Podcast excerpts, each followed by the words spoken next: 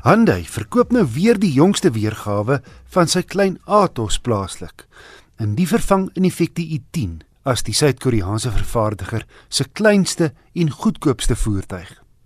Die Atos is 3,6 meter lank terwyl die Grand i10 sowat 3,8 meter strek en dierder is. Net een model, die 1.1 liter Motion, teen R162900 terwyl die Grand i10 se goedkoopste van 5 modelle 178900 kos. Buite is die Atos wat in Indië vervaardig word, dadelik herkenbaar as 'n klein Hyundai. Plastiekwieldoppe doen diens op staalwiele om sy prys so laag moontlik te hou.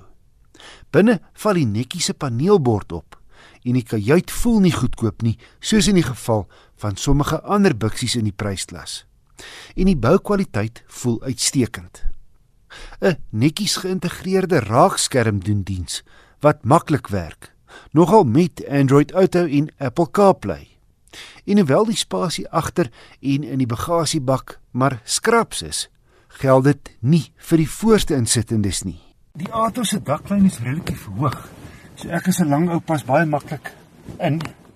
Die bestuurder se sitplek en die stuur is egter nie hoogteverstelbaar nie.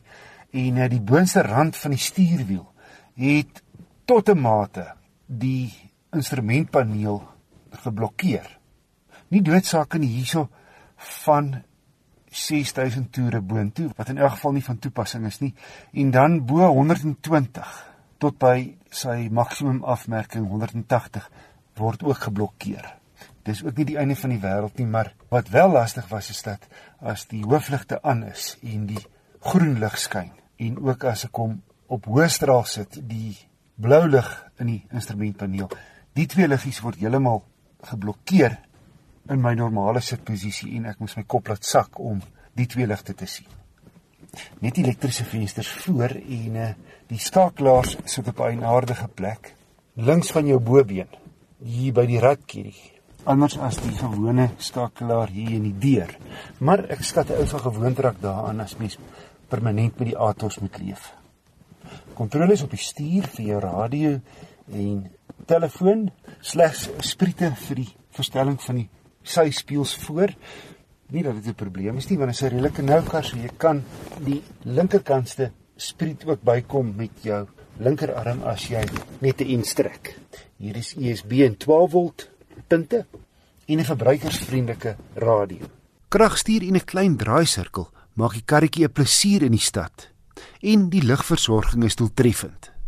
Jy kry twee ligsakke voor en ABS rieme en 'n interessante veiligheidskenmerk is dat sy handvrye Bluetooth jou WhatsApp boodskappe kan lees en jy kan op jou beurt antwoord. Waar Hyundai dalk onnodig geld spaar, is die afwesigheid van 'n agterste reënveer en ontwasemer.